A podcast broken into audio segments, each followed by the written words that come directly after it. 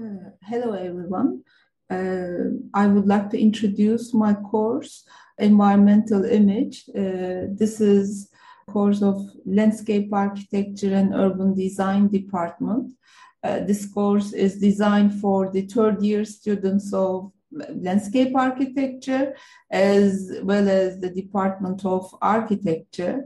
Uh, the aim of this uh, course is to identify and improve the quality of environmental image as an element of collective memory. So in this course, we are trying to understand uh, the major elements of the uh, visual environment we try to understand why certain places have stronger images, why some places are more successful in attracting the visitors uh, than the other places.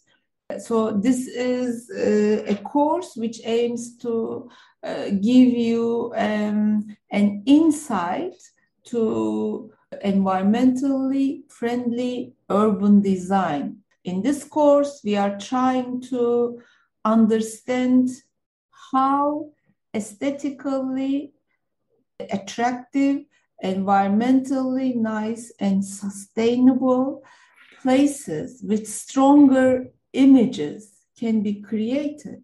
In doing so, uh, we are going to learn and focus on some core concepts such as genius loci, the spirit of a place, place attachment, environmental aesthetics, urban identity. When we are discussing these topics, we also like to analyze the liked and disliked features of urban environment. Why in some places we feel emotionally attached and why in some places we have no emotion at all? So we as designers trying we are going to try to understand learn the design features of a successful urban area with strong urban images uh, in this course, uh, what we are going to do after visiting these uh, place attachment core concepts such as place attachment, urban images, environmental aesthetics, genius loci, you are individually going to prepare a poster of your favorite place.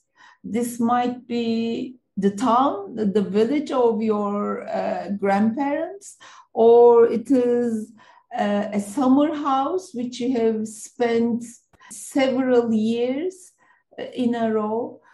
You, when preparing these uh, posters, you are also going to think about what was the features of these uh, urban environments so that I feel myself so attached to them. Once you understand your feelings and the design characteristics of uh, successful places, then you will be able to assess these places regarding the tourism, sustainable urban tourism, environmentally friendly tourism, because most of the time, these successful places attract not only local people, but also visitors. Therefore, designing these places in an environmentally sustainable way is important for us. So, after this uh, individual poster presentation in class, you are going to work as groups of three to four students, and you are going to choose a place which has some architectural, environmental, archaeological uh, values.